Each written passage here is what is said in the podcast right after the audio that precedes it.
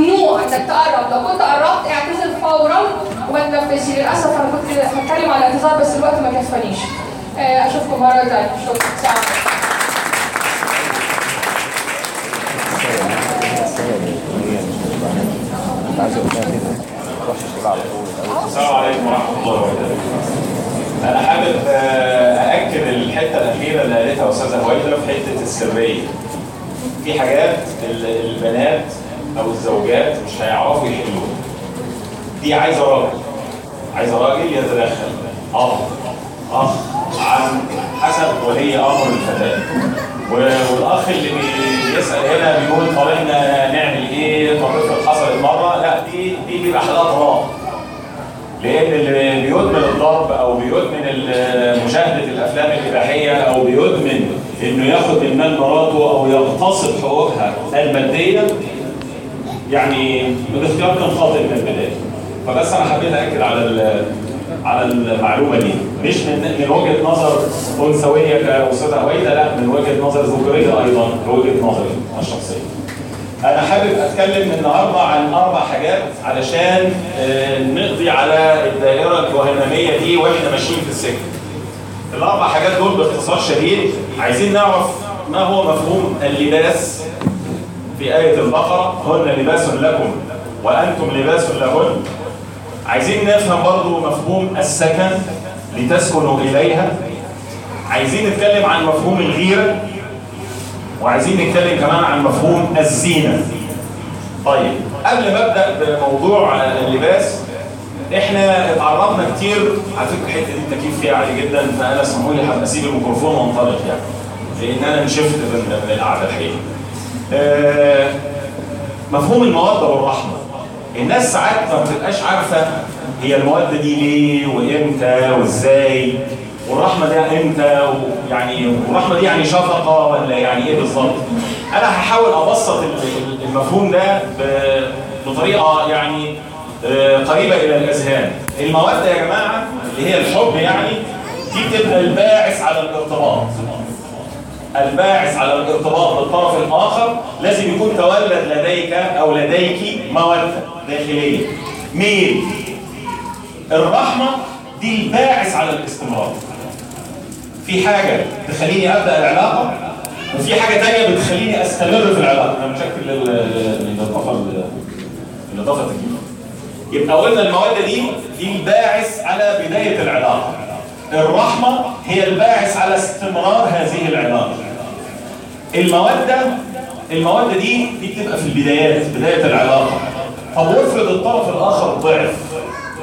افرض الطرف الآخر أصابه شيء أو مرض أو تعب أو وهن. هل المواد بتستمر زي ما هي؟ لا المواد ما بتستمرش. يخش بدلها الرحمة على طول. لازم أرحم الطرف الآخر. أرحم الطرف الآخر في ضعفه. أرحم الطرف الآخر في وهنه أرحم الطرف الآخر في تعبه. الأمور دي لازم تبقى في أذهاننا. دي الموده والرحمة اللي إحنا بنتكلم عليهم دول دول غير الحب الغريزي اللي هو إيه؟ بنسميه حب يعني بس هو مش حب هو انجذاب. هذا الانجذاب لا يدوم بل يزول بزوال اللذة المصاحبة له. أما الموده والرحمة الحقيقيين اللي هم بالمفهوم اللي أنا شرحته ببساطة ده الموده والرحمة دول بيولدوا تعايش بيولدوا إحسان بيولدوا ألفة بيولدوا عطف. الأربع حاجات دي هي اللي بتكمل الحياة الزوجية. ما تبقاش حب ملتهب على طول مش قصة حب ملتهب على طول. ما الست بتتعب والراجل بيتعب وهي بيبقى عندها أعذار وهو بيبقى عنده أعمال وهي عندها حمل وولادة وخلفة ورضاعة وإطعام و و- كل الكلام ده دي بتبقى لحظات ضعف. ما تنتظرش فيها حب بقى ملهلب زي زمان. دخل الرحمة. دخل الرحمة تلعب بدل الموده برضه أنت لما بتبقى تعبان ومشغول وبتسافر وبتتحرك وبتجيب وبتروح وبتيجي بتبقى في حالة ضعف. حالة الضعف دي عايزة رحمة من الطرف الآخر. ده مفهوم الموده والرحمة. نيجي بقى على مفهوم هن لباس لكم وأنتم لباس لهن يعني إيه لباس؟ كساء ستر قرب كساء اقرب حاجة ليك إيه؟ لبسك هدومك هدوم خارجية وهدوم داخلية. أقرب حاجة. الصق حاجة بالانسان اللباس. يبقى ملاصقه التصاق قرب ستر نعم. دفء. جمال. زينة يعني. تكامل. حماية تحميك من البرد أو من الحر وقاية وقاية من أي أذى في في الهواء أو ما إلى ذلك. خد عندك معاني زي ما أنت عايز. غطاء. هي دي الحياة الزوجية. الحياة الزوجية لو هي أصلا مبنية على مفهوم اللباس اللي هو مفهوم القرب والالتصاق مش هدخل حد وسطينا. اللي هي قلنا تدخلات الأهل. مش هدخل حد وسطينا. وحتى عندنا المثل البلدي بيقول إيه اللي داخل بين الإيه؟ بين البصله وقشرتها. انت تدخل لي بين البصله وقشرتها مش هينوبك غير ريحتها هي كذلك. لو في التصاق في العلاقة الزوجية التصاق بالمعنى المعنوي مش بالمعنى المادي لو في قرب لو الاثنين مغطيين على بعض مفيش حد هيتدخل بينهم إنما لما تبقى المسافات واسعة ده اللي بيسمح بالتدخلات. ويعني إيه مسافات واسعة؟ اللي هي في اللباس حاجة اسمها تأيف الهدوم عليه. عارفين يعني إيه تأيف؟ يعني البتاع واسع شوية.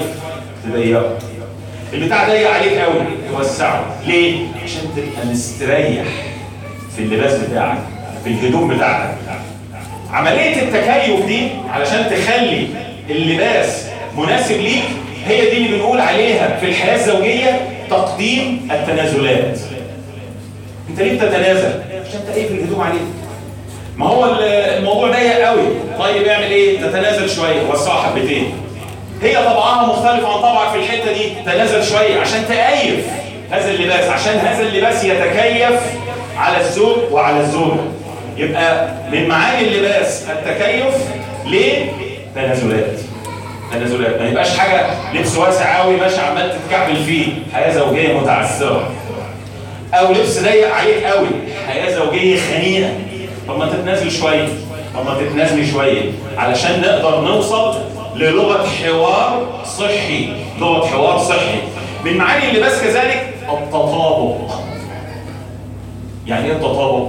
يعني الرجل يلبس ملابس الرجال والمرأة تلبس ملابس الإناث والأطفال يلبسوا ملابس الأطفال وهكذا. مش كده؟ كل حاجة لازم تبقى متطابقة لطبيعتك طيب ما هو التطابق ده في الحياة الزوجية؟ تطابق في الأخلاق. تطابق في الأفكار. تطابق في النفسيات. كل ده في العبارة دي بس. التلاصق القرب الستر. عارف يعني إيه الستر؟ يعني الاخبار ما تطلعش بره.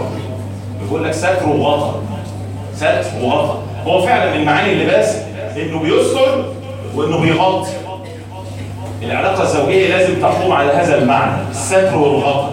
ولما ابقى أنا ستر على مراتي وهي غطا عليا مشكلتنا مش هتطلع بره. واخبارنا مش هتبقى على النت ومش هتبقى إحنا اللي بنعمل إلى هذا. فلان انجيج فلان feeling happy فلان فلانه feeling pregnant فلان إحنا مالنا بتدخلونا ليه في في في الحاجات بتاعتكم دي؟ فين الستر والغطا هنا؟ لا إحنا على الملأ. ده إحنا على الملأ. أخبارنا كلها على الملأ. كل المعاني دي ناخدها من الآية الصغيرة دي. طب الآية دي ما حدش لاحظ فيها حاجة يا جماعة؟ اسمحوا لي أسيب البتاع ده شوية. محدش لاحظ حاجة في آية هن لباس لكم وأنتم لباس لهن؟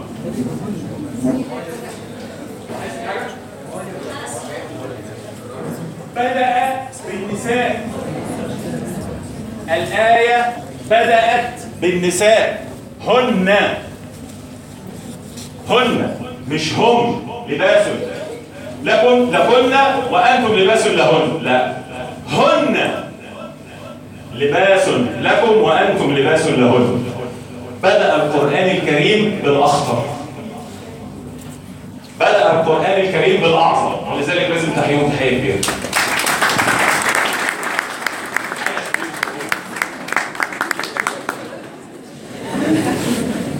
العضو الأخطر في قضية اللباس المرض. العضو الأخطر في قضية الالتصاق وقضية الكر وقضية الستر والغطا والتجميل والزينة وال- والتكيف كل المعاني دي كلها الدور الأخطر والأعظم على المرأة على المرأة إنما بقى تيجي تقول إيه إحنا نيجي نطبق بقى واحدة تيجي تقول لك أنا هنطبق بقى هنا لباس الرجل على رجل. حاجة وأنا قلت كده. أنا بقول التصاق وقرب وستر وغطا وتكيف وتجمل. ودفء والمعاني الجميلة. لا رجلي على رجلي طب أنا رايح اقابل اصحابي أو أنا رايح مثلا رايح المسجد. أو يعني أنا رايح راح أفك شوية راح أروح في مربع اللا شيء. في مربع اللا شيء. الرجاله عارفين طبعا يعني سيبيني أفك أنا في اللا شيء. لا أنا معاك في اللا شيء. يعني يعني ما تحبكيهاش خلي المعنى الجميل. ما تبقيش بس خانق اللي حواليك. خانق اللي حواليك. وأنت برضه حضرتك ما تفضفضش الدنيا قوي فمفهوم اللباس يا جماعة هيقضي على حاجات كتيرة جدا. هيقضي على تدخلات خارجية. هيقضي على فروقات فردية. هيقضي على حتة الأنا اللي اتكلمت عليها أستاذة هويده في الآخر. حتة الأنا. لا ايف اللبس على مقاسك يعني إيه تأيفه؟ تنازل شوية. فوتي ما تحبكهاش خليها تعدي المرة دي. الأمور دي يا جماعة هي اللي بتخلي الحياة الزوجية تستمر. هن لباس لكم وأنتم لباس لهن. المفهوم الثاني اللي عايز أتكلم عنه مفهوم السكن. لتسكنوا إليه. لتسكنوا إليه. طب أنا مش هشرح مفهوم السكن. أنا هشرح المفهوم المعاكس للسكن. اللي هو إيه؟ الوحشه والواحد لما بيبقى كده بيسكن من السكينة والهدوء والسكنة عكسها مستوحش من المكان. مكان مكان غريب.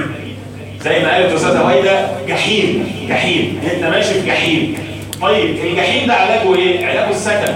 طب أنا إيه اللي وصلنا للجحيم؟ اللي وصلنا للجحيم حاجة مهمة قوي قالتها أستاذة أمل في كلمتها اللي هي الحياة الروتينية. أنا بقى مش بسميها الحياة الروتينية أنا بسميها الآلية الميكانيكية في الحياة الزوجية. راجل مهندس بقى. آلية ميكانيكية في الحياة الزوجية. يعني إيه آلية ميكانيكية في الحياة الزوجية؟ يعني الراجل أهم حاجة عنده شغله مشاريعه المشروع ده نجح المشروع ده ما نجحش إحنا كسبنا فيه قد إيه؟ إحنا خسرنا فيه قد إيه؟ طب المشروع الجاي هنعمل فيه إيه؟ طيب وبعدين عنده قائمة التزامات متطلبات أسرية واحتياجات زوجية ومصاريف ولاد ومصاريف مدارس ومصاريف علاج و و و. هو كل الدا- الدايرة بتاعته كلها الدايرة العملية بتاعت الرجل الشغل والمشاريع وتلبية الاحتياجات المنزلية. أنا بعمل كل اللي أقدر أعمله. أنا معيشه أحسن عيش. أنا بدخلكم أحسن مدارس. أنا بأكلكم أحسن أكل. أنا كذا أنا كذا أنا كذا. آلية ميكانيكية جرفته جرفته بقى ودخلته في دائرة الفتور ودائرة الخرس الزوجي ودائرة إن أنا بعمل لي كل حاجة. عايزة مني إيه تاني؟ طب وهي الآلية الميكانيكية بتاعتها إيه؟ شغل البيت طلباتك طلبات عيالك بأكلهم لك وأقطعهم لك بشربهم لك بربيهم لك بعمل لهم الواجب كذا كذا كذا كذا. دخلنا في الآلية الميكانيكية دي كغياب للسكن. فإيه اللي حصل بقى؟ اللي حصل إن إحنا بقينا نتربص ببعضنا البعض. لو طلب على طلب للبيت اتأخر شوية تيجي بالملامه عليه لو عيل من العيال خسع شوية في الدراسة تيجي بالملامه عليها. متربصين غياب السكن. أدى إلى آلية ميكانيكية. للحياة الزوجية. الآلية الميكانيكية دي أدت إلى إن كل طرف متربص بالآخر. مش راحم الآخر. مش مقدر الآخر. مش مقدر التعب اللي أنا بتعبه. وأنت مش مقدر البهدلة اللي أنا فيها كل يوم. مش مقدر. ليه؟ لأن أنا أنا شايف إن أنا ماشي صح. وبالتالي أنا متربص بيكي إن أنت تخلي بشيء من المهام بتاعتك وأنا متربصة بيك إن أنت تخلي بشيء من المهام بتاعتك ده يوصلنا ليه بعد كده؟ بعد التربص. بعد ما تبقى الحياة الزوجية عبارة عن حالة تربص. في أخوات قاعدين هناك خالص إحنا قاعدين متربصين ببعض يا جماعة. إحنا قاعدين قاعدين متربصين ببعض تفتكروا هنعمل هتبقى الحياة عاملة إزاي؟ عمالين في فقد الزيت أو فقد الحفوات ننتقل الأخطاء لبعض ننتقل الزلات لبعض ليه؟ واحد عنده متربص إزاي؟ تسالي منه اي غلطه يساوي ده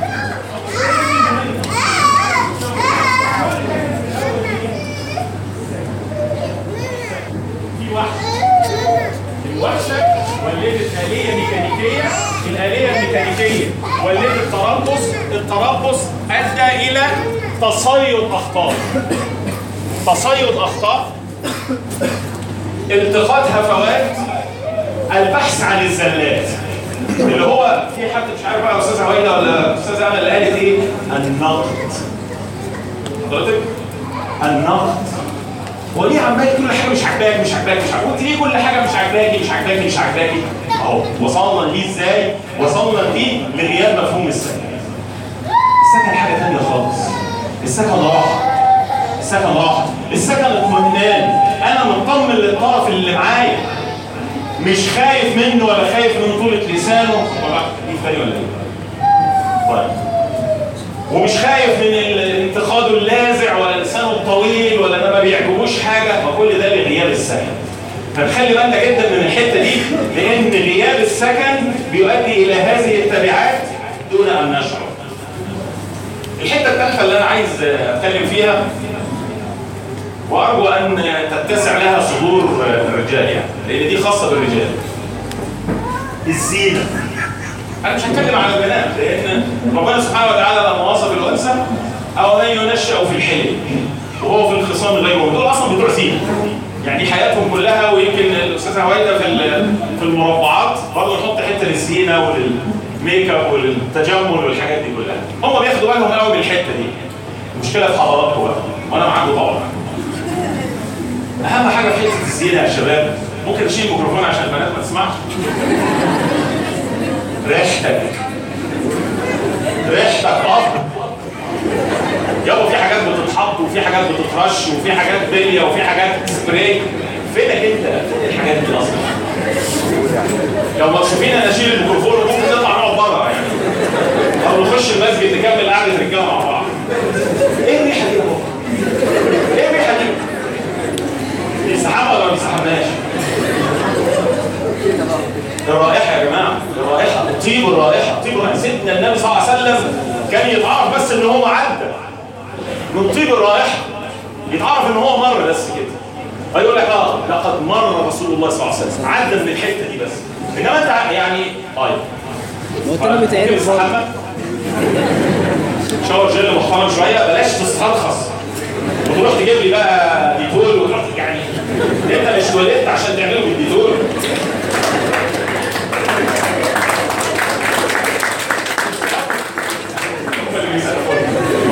غير الريحه غير الريحه أنا نفسي أعرف مين اللي اخترع الفانيلا اللي بالحمالات. خصوصا إن الراجل المصري الراجل المصري بعد ما بيعدي سنة أولى وسنة ثانية بيتعمل له تضاريس في جسمه. بيبقى فيه تلال بسيطة وبيبقى فيه هضام وبيبقى فيه منطقة خروش ومنطقة واعرة. واحد فانيلا الحمالات يا أخي ليه ليه تاذي البنت؟ البنت دي لها صدمه حضاريه يا ماما ده قاعد بالفانيلا على طول طب ما فيش تريننج ما فيش سويتشر ما فيش أي حاجة يعني. الله يقطع الفانيلات الحمالات قولوا أمين. خلي بالك من مظهرك جوه البيت الراجل دي دي أقل حاجة بيهتم بيها في الحياة الزوجية لبسه جوه البيت. لكن وأنت خارج على سنجة 10 وأنت خارج على سنجة 10 تقال يعني. زي الفل. رايح meeting على سنجة 100 مش على سنجة 10 إنما قاعد جوه البيت. فين الوسامه فين الطعام؟ فين اللذاذة؟ لي شاي بعدين تعمل إيه لي شوية كده شوية حاجات كده يا عم يا عم ريحه بقك. ريحه بقك وريحه جسمك وهندامك كده كله على بعض. الفطاير ده من هدي الحبيب محمد صلى الله عليه وسلم. الطيب الطيب. من هدي الحبيب محمد صلى الله عليه وسلم. الرائحة. المظهر العام المظهر الإجمالي العام. أنا مش هشد عليكم أكتر من كده علشان تبقى حبايب. نعم آه طبعا. كان في بقى حقهم مش لازم بقى ساعة لما هو قرب يجي شد بقى العصابة عصابة المختال كلمة داخله غزوة. برضه خليكي لطيفه وانت في المطبخ مش ريحه جو الاكل بسرعة. طب ما تغيري ما تخش تغيري طيب بلاش الريحة اللي طالعة وكل حاجة ويعني أنتوا فاهمين وانتوا بتخلوا بالكم بس هو طبعا المشكلة عند الرجالة في حتة اللبس جوه البيت يا جماعة. اللبس جوه لما تبقى لوحدك اعمل اللي انت عايزه. فانيلا حمالات أي اللي أنت عايزه براحتك. لكن معاك كيان كيان انثوي إنما لو قاعدين ياخدوا مع بعض أنتوا عارفين إحنا بنعمل إيه مع بعض. براحتكم خالص دي زوجتك مش أخ. أنا مش هطول في موضوع الزينة لأن موضوع الزينة ده مش هيخليني أخرج بره البيت أصلا. في ال- في ال- في الدائرة الجهنميه اللي قلنا بقى علاقات خارجية وقلنا بقى إنه الفرار من المنزل وإنه يدور على حاجة بره. طبعا ادور على حاجة بره أنا عندي حاجة زي لقطه القشطه بس مش أنت طبعا. اعتبر نفسك يعني اعتبر نفسك قيمة حلوة. قيمة حلوة عايز تجذب هذه الفتاة أو تجذب هذه الزوجة. هي خلاص اتشعلقت بيك من ساعة الخطوبة من ساعة ما كنت بتبقى على سنجة 10 لكن ما شافتكش جوه البيت عامل إزاي. خلي بالكم من الحتة دي لأن الحتة دي هتقطع دابر أي بصبصة وأي عين زايغه وأي واحدة شفتي دي وشفتي ده وهي تبقى بتشتهي زي ما قالت ال- الأستاذة أمل لما رسمت لكم البنت اللي قاعدة قدام المراية. ما هي لما بتشوف حد ماسك إيد حد ولا لما بتشوف حد نظيف ومسرح شعره وضارب جل والحاجات دي كلها الدنيا بتمشي معاها. طب وأنت فين من المواضيع دي؟ أنا رجل. آه رجل. يا عم ماشي ما رجل. ونعم الرجال. السلف الصالح كان يعني يحب أن يري امرأته ما يحب أن يراه منها هي. فخلي العلاقة علاقة سوية. ما تبقاش علاقة من طرف واحد بس. من طرف واحد اللي حضرتك اللي بتطلب وهي بتنفذ وانت ما بتعملش أي حاجة من اللي انت بتطلبه. عايز أتكلم بعد كده عن الحاجة الأخيرة وبعد كده نفتح مجال الأسئلة. الغيرة. إيه موضوع الغيرة بقى؟ موضوع الغيرة ده برضه بيدخلنا في الدائرة الجهنمية في الحتة بتاعة العلاقات الخارجية. العلاقات الخارجية. طيب أنا هحكي لكم موقف بسيط جدا حصل من السيدة أسماء بنت أبي بكر الصديق ذات النطاقين رضي الله عنها وأرضاها. إحنا عارفين طبعا مين عارف السيدة أسماء كانت متجوزة مين؟ الزبير بن العوام. كانت متزوجة من الزبير بن العوام. لما كانت بتتكلم على الزبير كانت تقول كان أغير الناس. بيغير غيرة شديدة جدا على السيدة أسماء. وهي السيدة أسماء كانت بتساعده. هو كان مجاهد وكان في الغزوات مع النبي صلى الله عليه وسلم وعنده ال- الفرس بتاعه فهي كانت بتروح تجيب النوى اللي بتدقه بعد كده وتقدمه طعام للفرس. فكانت لما بتروح تجيب النوى كانت بتمشي حاجة بتاعت 6 7 كيلو. تروح تجيب ال- النوى بتاع الفرس وبعدين ترجع ال 6 7 كيلو دول تاني وتطحن. النوى وتعلف به فرس الزبير. مسافة طويلة جدا. ومفيش خادم ومفيش حد يساعدها ومفيش ومفيش ومفيش. ففي مرة وهي رايحة المشوار ده اللي بتجيب فيه النوى وهترجع بيه تاني بيتها مر بها رسول الله صلى الله عليه وسلم. شوف الرحمة المهدبة فأناخ لها راحلته خلى الجمال اللي معاهم تنيخ حتى تركب شايفها ماشية وشايلة وتعبانة. فشافوا لها جمل من أو الناقة من النوق فأناخ لها رسول الله صلى الله عليه وسلم. لم يتكلم. صلى الله عليه وسلم. لم يتكلم. وإنما فعل ذلك إشارة لها إلى أن تركب فالسيدة أسماء في اللحظة دي في اللحظة دي كانت في صراع تقبل دعوة النبي صلى الله عليه وسلم بالركوب ولا جوزي؟ غيرة الزبير. تقول فتذكرت غيرة الزبير. وكان أغير الناس. فاستحييت أن أركب مع رسول الله صلى الله عليه وآله وسلم وأكملت. كملت الموضوع ماشي. فالنبي صلى الله عليه وسلم لما لقاها استحيت رفع ال- ال- ال- ال- الناقة أو الإبل وذهب في طريقه صلى الله عليه وسلم. هي لما رجعت بقى بتحكي للزبير خلي بالك ده مين اللي بيقول لها اركبي سيدنا النبي صلى الله عليه وسلم. وهي متجوزة مين؟ الزبير. لا الزبير بيغير وأجيب من الحبيب المصطفى صلى الله عليه وسلم. وبعدين دي قافلة. النبي ماشي مع الصحابة ومعاه ناس كتير وركايب كتير.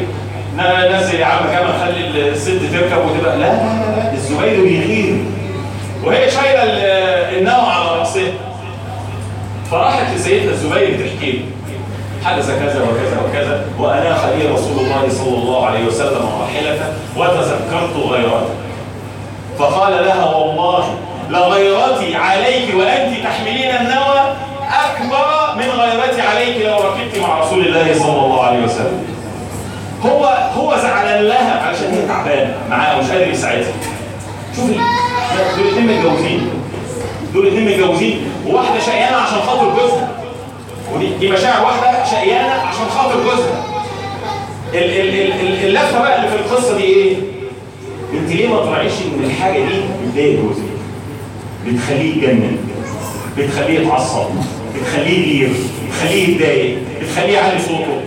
ولا ما بعملش حاجة غلط. يا ستي وهي وهي أسماء كانت بتعمل حاجة غلط. بس تذكرت. غيرت زوجها في غيبته في غيبته إحنا كل اللي عايزينه بس إيه؟ أنت كزوج استحضر زوجتك معاك في المواقف التي تدعو إلى اشتعال الغيره وحضرتك كزوجة استحضري حضور زوج زوجك معاكي في في المشاهد أو في المواقف التي تشتعل فيها الغيره تخلص القصة. هي ما فكرتش في الحبيب محمد صلى الله عليه وسلم. هي فكرت في جوزها هي من- هو مين اللي هيزعل؟ ما هو ممكن النبي صلى الله عليه وسلم يعني زي ما تركبيش مع سيدنا النبي صلى الله عليه وسلم. ولا ولا غيرت زوجي لا غيرت زوجي. يبقى أنا مش هبكي أنا مش هبكي فلما كل طرف يراعي الطرف ما تقعدش تفرسها بقى وماسك البتاع من الجنب كده وعمال طب ما أنت عارف الحاجة الحركة دي مش عليها وعارف إن الشات اللي أنت بتعمله هو اعملها قدام اعملها لو راجل اعمل الشات قدام لو راجل. وبعد ما تبعت الرسالة أقول لها بصي اهو أنا كنت بعمل حسنين. حسنين؟ بتاع حسنين؟ حسنين. يعني نريح بعض يا جماعة. لا نثير لا نثير حفيظه بعض إحنا عندنا كده ده إيه؟ أنا ما بعملش حاجة غلط. لا تشاور لا تخبط راسك في الحيط أنا ما بعملش حاجة غلط. لا. طمن اللي قدامك. طمن الطرف الآخر. وحضرتك طمني الطرف الآخر حتى تستقيم الحياة. إنما نقعد نفرس في بعض. لا. طيب الغيرة دي بتخلينا نعمل إيه؟ اولا قبل ما نقول غيرة قبل ما نقول غيرة لازم نقول حاجة مهمة جدا. إن الاصل في العلاقة الزوجية الثقه الزوجة مش متهمه أصلا. وحضرتك مش متهم أصلا. الأصل إن هي بتثق فيك والأصل إن حضرتك بتثق فيها ومش معنى إن أنتوا بتثقوا في بعض إن أنتوا تخترقوا خصوصيات بعض خصوصية اسمها خصوصية. شيء يخصني شيء يخصني أنا. لكن المفروض إن الطرف الآخر يثق فيا.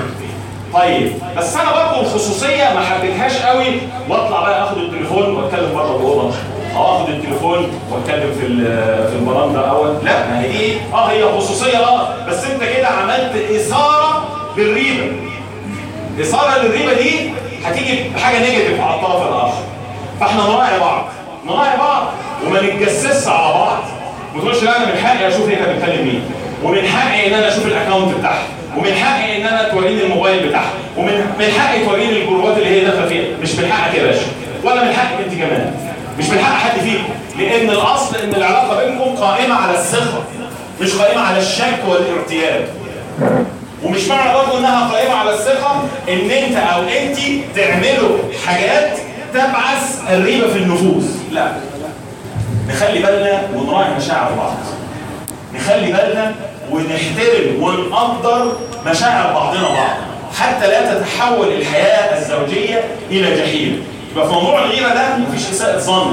الغيره المحمودة بقى. مفيش إساءة ظن. مفيش تجسس. مفيش شك.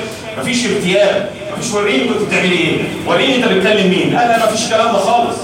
ليه؟ أنا واثق فيك وأنت واثقة فيا. وهي الحقيقة ما بتبقاش ثقة ال...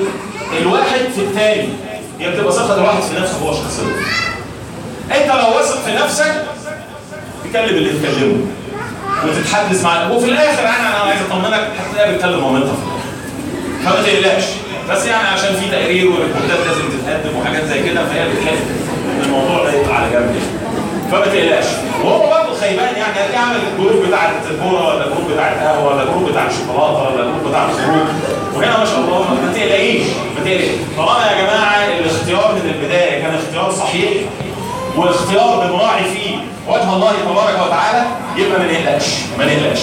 إنما الغيرة هتدخل حتى لو بدون ريبه ممكن تؤدي إلى الوقوع في حتة دائرة أو المربع بتاع العلاقات الخارجية دون أن نشعر. طيب أنا كده خلصت. إحنا عندنا 10 دقائق ممكن أستاذة وائلة واستاذه أمل شرفوني هنا على المنصة. هنفتح الاسئله لل- للشباب بس يا ريت اللي يسال يجي بقى ياخد الميكروفون ويسال عشان إيه نعرف نجاوب اللي عايز يسال يتفضل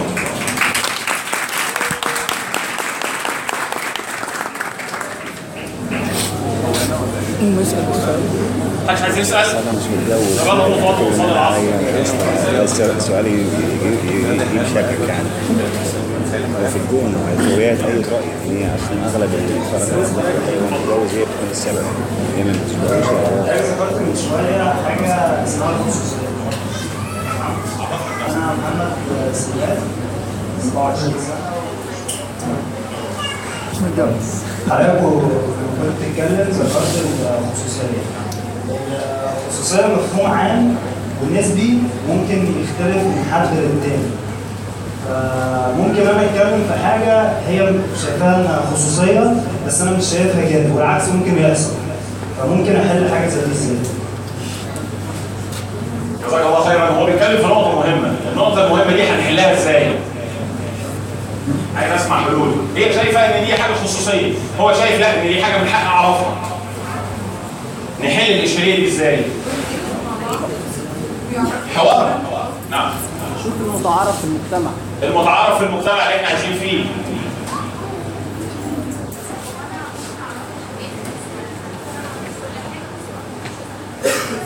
آه أنا هتحدد إزاي ان دي خصوصية بقى متعلقه بيه هتفضفض معاك بس مش هتعرفك كل حاجة. هتسيب حاجة للآخر. يا جماعة الموضوع يتحل بحوار يتحل بإن إحنا نضع مفاهيم نضع تعريف. إمتى أتدخل وامتى لا؟ خلاص أنا واثق ممكن إن أصلا الراجل ممكن يحسبها إزاي؟ أنا هقول لكم كناحية ظهورية يعني. إن مراتي في ورطه ومش عارفة تحل. طب دخليه معاكي أنا أحل. ممكن يكون ورطه في مشكلة عائلية مثلا. مشكلة بنت خالتها أو مشكله عمتها أو مشكله جارتها أو أو أو أو. وهي حاجة خصوصية للمرأة. بس هو إحساس الزوج إن مراتي في ورطه أو في مشكلة وأنا عايز اخش اساعدها بتقول لي لا دي خصوصية. لا يبقى نضع تعريف قضيه الخصوصية دي قبل ما نقدم على الزواج. ودي نناقشها طبعا في فترة الخطوبة. حد حابب؟ أوكي. أتمنى أكون اجبت الاخ الفاضل السلام عليكم. أستاذ جمال 25 سنة. هو حضرتك آه، لما كنت بتشرحي كان فاضل جزء الاعتذار إحنا عايزين نسمع الاعتذار لأن كل شخص يبقى يبقى متكبر جدا إن هو يعتذر أو بيبقى متعمد إن هو يعتذر فبإذن الله.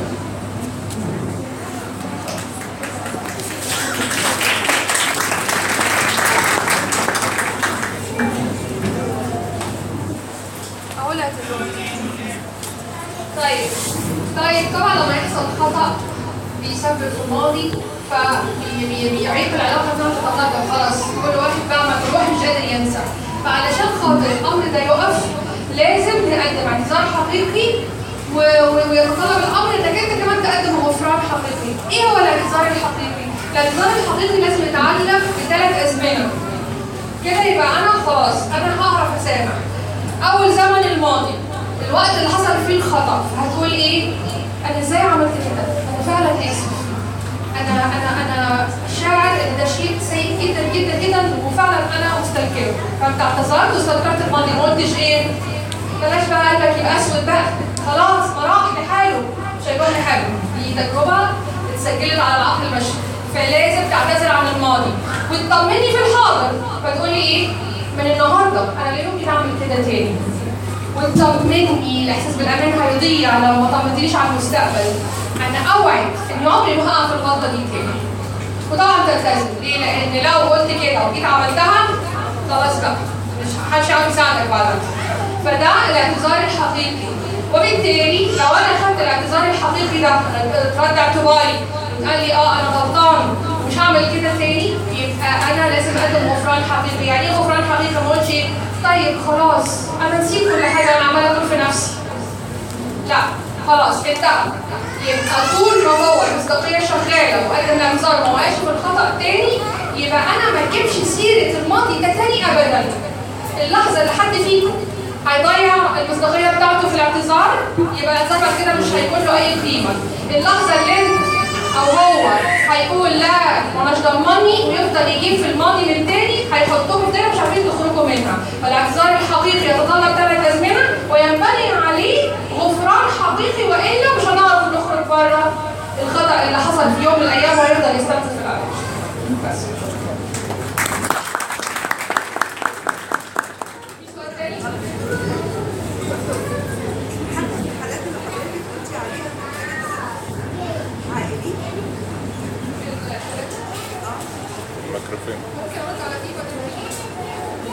إيه، إحنا في زمن أنا مرة أكيد الأزهر بتاع زمان أنا بحب قوي كتب الفتاوى بتاعت الأزهر بتاع زمان. فكنت قريت فتوى إنه الموسيقى مش حرام في أصلها. لكن بيجي زمن من الأزمنة يتم في تحريم الموسيقى لارتباطها بالمعاصي زي الرقص والغناء والخمر والكلام ده كله. بالنسبة لي نفس الشيء. لما أنا قلت لا يبقى في سرية في المشاكل إلا في ثلاث مشاكل غير مقبولة اللي هي الضرب وشيء لا أخلاقي والبخل أو اعتداء مادي.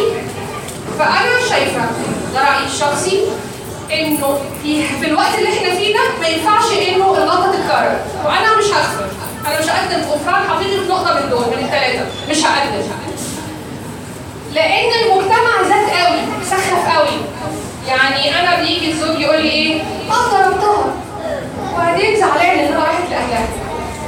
ده حاجة بسيطة كده يعني. تيجي الست الست تقول إيه؟ دي كانت علقة موت. ففي استهانة بالثلاث مشاكل دول في استهانة غريبة في المجتمع بالثلاث مشاكل دول. من الذكور والإناث. وأكتر حد يعني كان سبب المشكلة دي الأم. أم الزوج اللي ربته إنه ممكن يعمل كده. معلش يا حبيبي معلش ده استفزتك وتروح لزوجها تقول لها إيه؟ شفتي استفزتيه قد إيه؟ حرام عليكي حرام. أم الزوج. أم الزوجة بقى اصعب معلش يا بنتي لازم نصبر كل الرجالة كده. لأ المجتمع زاد بالغ. في في هذه المنطقة وهذه المنطقة بالنسبة لي أنا كهويدا ليست منطقة اعتذار. دي خطا يتعمل مرة ومش هسمح بتكراره والعلاقه بالنسبة لي انتهت أنتوا بقى تتسامحوا فيه أنتوا احرار أنا عن نفسي لو حد جه استشارني أو أنا بعد الشر بعد الشر بعد الشر حصلت في حد يخصني أنا مش هقدم فيها أي غفران هو المشكلة لا أخلاقية ولا إحنا. مش السلام عليكم. أنا بس سؤالي كان بالنسبة للغيره آه، الموقف اللي ذكرته يعني سر اسماء هي عملت كده عشان أكيد هي وزوجها مع بعض. كان في رصيد كبير قوي عندها منه ليه يعني إحنا دايما هنا لما يجي مثلا اتنين في أول علاقه آه، كل واحد بيركز هو هيغير في التاني إيه؟ مش هو هيخلي التاني يحبه لدرجه قد إيه عشان هو من نفسه يغير عشانه فدلوقتي مثلا أنا دلوقتي نفس الموقف. أنا دلوقتي عايز أسأل سؤال. فانا مثلا مثلا اختار حد كبير قوي فلو عارف إن أنا قلت سؤال قدام الناس دي كلها هيتضايق مثلا. وأنا السؤال ده مثلا فارغ في علاقتي معاه يعني هي هتعود عليه. فأنا كده أقوم وأنا موش الفكرة ان إن الغيرة عند عند الرجالة أنا حضرتك جدا ان الغيرة دي أصلا حاجة يعني تفرحني بس هم بيعملوها بأسلوب شكل. فأنا أنا مش ضد الغيرة بس ضد إن حد يحسسني إن هو شاكك فيا. وللأسف أغلبية الشباب بيتعاملوا بالمفهوم ده حتى لو هو مثلا حد كان عارفك من الأول أنا مثلا مجال شغلي بتعامل فيه مع مع مع شباب لأن أنا بروح شغال في التدريب تمام؟ وحضرتك كلها البنات ولكن أوقات بتعرض إن أنا بتكلم مع شباب. فلا ممكن يكون هو نفس الشاب اللي كان بيتكلم معايا أول مرة. بس ده قبل ما يخطبني بعد ما يخطبني لا ما ينفعش. مع إن هو شاف أول مرة كنت بتعامل معاه إزاي. فأنا عايز أعرف يعني المشكلة دي المشكلة في عندي أنا أعمل إيه عشان هو ما يعملش معايا؟ هي السيدة أسماء لما راعت مشاعر الغيرة دي للزبير هل قدر لها ذلك أم أهدر هذا المجهود؟ قدر فالحل إيه؟ لا الحل إن أنت ما تطلعيش وتبعتي ورقة مثلا للمحاضر أو الحل إن أنت تبعتي ورقة مع زميلتك أو تخلي واحدة زميلة أخرى آه، ما عندهاش القيد ده من من خطيبها أو من جوزها أو كذا هو إحنا هنا ما بنتكلمش يا جماعة في صح وغلط ما هي السيده اسماء لو كانت ركبت في قافلة النبي صلى الله عليه وسلم ما فيش حاجة غلط لا بترتكب محرم ولكن إحنا بنتكلم في مراعاة مشاعر. مراعاة المشاعر دي الناس بقى بتتفاوت فيها بتتفاوت. الفضل هنا مراتب الفضل بتتسع لدرجات عالية جدا. لكن إنها ترتكب محرم أو شيء غير محرم لا إحنا ما بنتكلمش في حرام وحلال. إحنا بنتكلم في مراتب الفضل. والعلاقة مش هتستمر غير بالفضل. زي ما قلت كده بتأيفي الهدوم على مقاس على مقاس تكيف العلاقة لازم يكون فيها تكيف. اتفضل عايز يسأل اتفضل.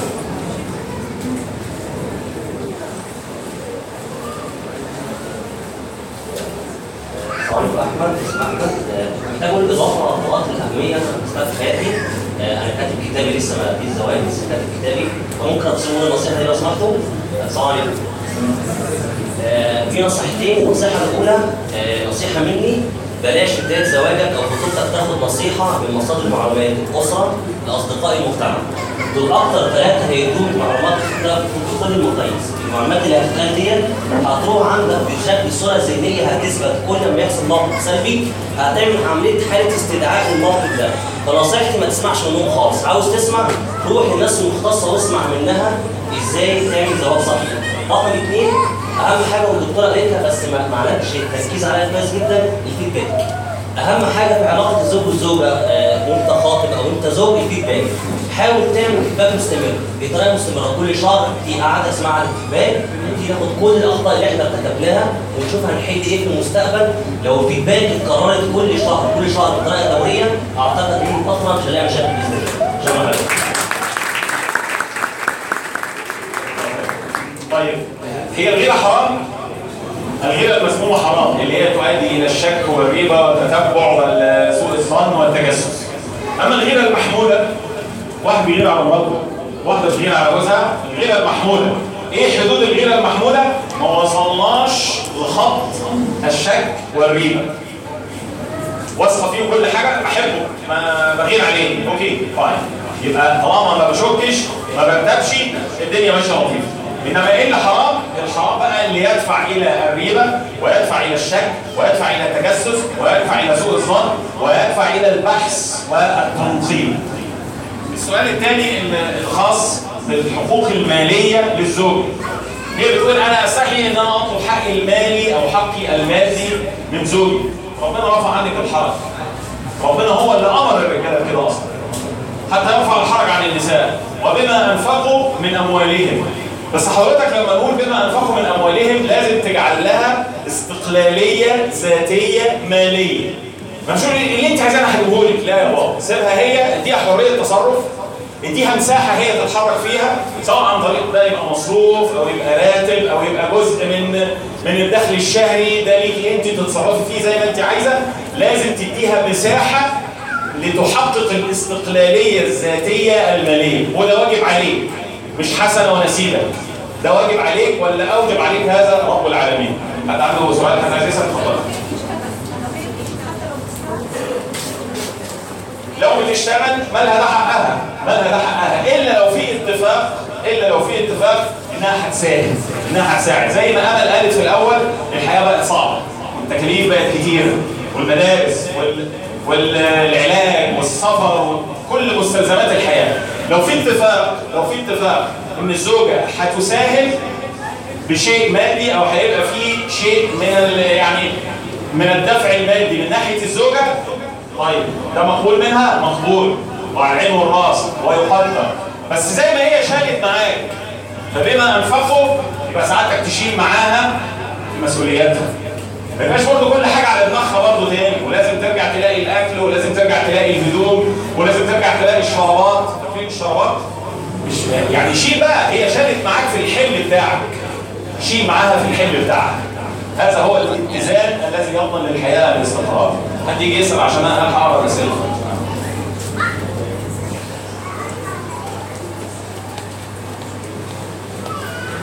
كنت عايز أعرف ليه ساعات بحس إن لما العلاقة ما بين الزوج والزوجة ترتقي المشاكل تبقى على حاجات تافهة. يعني ممكن في علاقة ما بين زوج وزوجة تبقى المشاكل يعني علاقه مش جيدة فتبقى المشاكل على حاجات كبيرة قوي.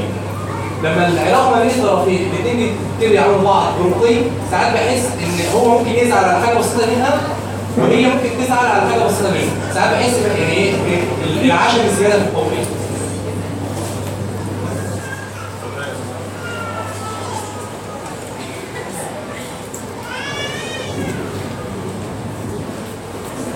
أنا بعتبر ان مفيش مشاكل صغيرة. المشاكل اللي أنتوا عليها مشاكل صغيرة دي مشاكل تواصل ودي مشاكل ناعمه تراكمية بت- بتعصب الحياة الزوجية. فأنا عندي نوعين من المشاكل. نوع من المشاكل الفظيعة الكبيرة اللي هي بتتعلق بثلاث مناطق. البخل الخيانة العنف. دي مشاكل كبيرة. ودي مشاكل مؤلمة جدا جدا وطبعا بيبني عليها الانفصال. لكن المشاكل اللي أنتوا بتقولوا عليها صغيرة دي مشاكل بتؤدي لنفس النتيجة وإن كانت إيه؟ ناعمة. ليه؟ لأنها بتسحب من الرصيد. ففجأة بتلاقي نفسك آه هو كويس آه محترم إيه بنت ناس آه ظريف قوي بس أنا مش عايزة أكمل. فدي خطيرة ودي خطيرة ودي لا يستهان بيها ودي لا يستهان بيها لكن دي حلها إن أنت تتعلم تواصل فحلها لطيف بسيط تبذل جهد اتعلم وتواصل واملى الآخر مجرد إن أنت تقدر تملى احتياجاته خلاص أنت كده أنقذت العلاقة الثانية لا. فيها نسب إدمان عالية ومحتاجة علاج فعايز تنقذ العلاقة ما تستهنش بالمشاكل اللي أنت بتقول عليها صغيرة وتبص لها كأنها كبيرة. لأنها في وقت قصير دلوقتي للأسف محدش بيستنى على حد. يعني أنا النهارده مثلا ابسط مشكلة اشهر مشكلة. أنت طلبت مني حاجة أنا مش عايزة أديها لك بس تنازلت فاحنا دايما بنقول إن الجواز تنازل. أنا مش موافقة على كده طبعا. الجواز ده تنازل ولا تضحية. الجواز جنة. لو كان مقدر فتقولي تنازل وتضحيه يعني. أنا النهارده اديتك حاجة مش عايزة اديها لك. ما قمت بسيف الحياة فهو حرام اديتها لك هيحصل إيه؟ سنة بسيطة وعدت. كمان سنة أنا اتغيرت. فأنا اديتك عن غير طيب خاطر أنا مش مش مش عايزة. كمان سنة مكانتك عندي قلت. وأنت ما عملتش حاجة تانية. فرصيدك اتسحب. فأنا لا أؤمن بفكرة المشكلة الصغيرة. المشكلة الصغيرة بالنسبة لي مؤشر إن الاثنين دول لازم يشتغلوا على التواصل اللي هو روح الحياة الزوجية اللي هو امتلاء الاحتياجات الخاصة بقلب وعقل وجسد وروح الشخص ده.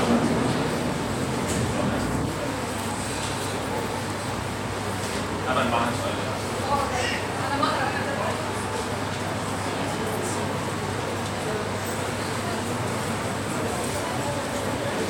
لو سمحتوا إحنا محتاجين محاضرة عن فترة الخطوبة. هو الفكر الأول اللي عايز يدور على فترة الخطوبة وكتاب الكتاب. آه، لو كتب على اليوتيوب هيلاقي كل المحاضرات اللي إحنا عملناها. فيلاقي فيه بعثة لا أشعر بغيرته أعلم أنه يحبني ولكن لا أشعر بغيرته. يعني أنا لو كده بحب الله يحمد ربنا الحاجة الوحيدة اللي بتضايق في موضوع الغيرة ده لو راجل ما من ناحية مثلا هو ممكن كده تعمل حاجات مثلا سباك في الفيديو فاهمها؟ آه، ما بيغيرش مثلا في اللبس لو لبس لبس مش مناسب. ده يعني ممكن يكون هو طبعا ما بيغيرش أو ممكن يكون بيصف فيها صفة زيادة. فأنا ما أعرفش هي هنا قصدها إيه هي كلمة لا أشعر بغيرتي أعلم أنها يحبني ما دام أنت عارف إنه بيحبك؟ تقولي حاجة على السؤال؟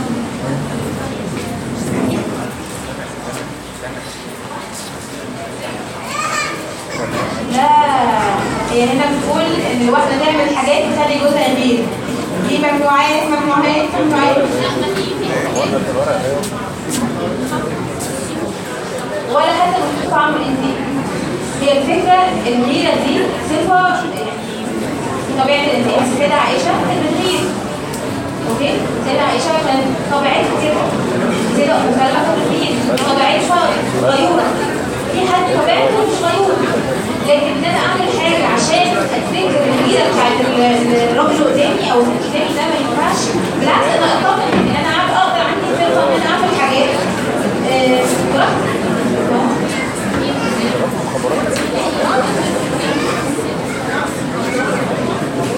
لا في في فرق.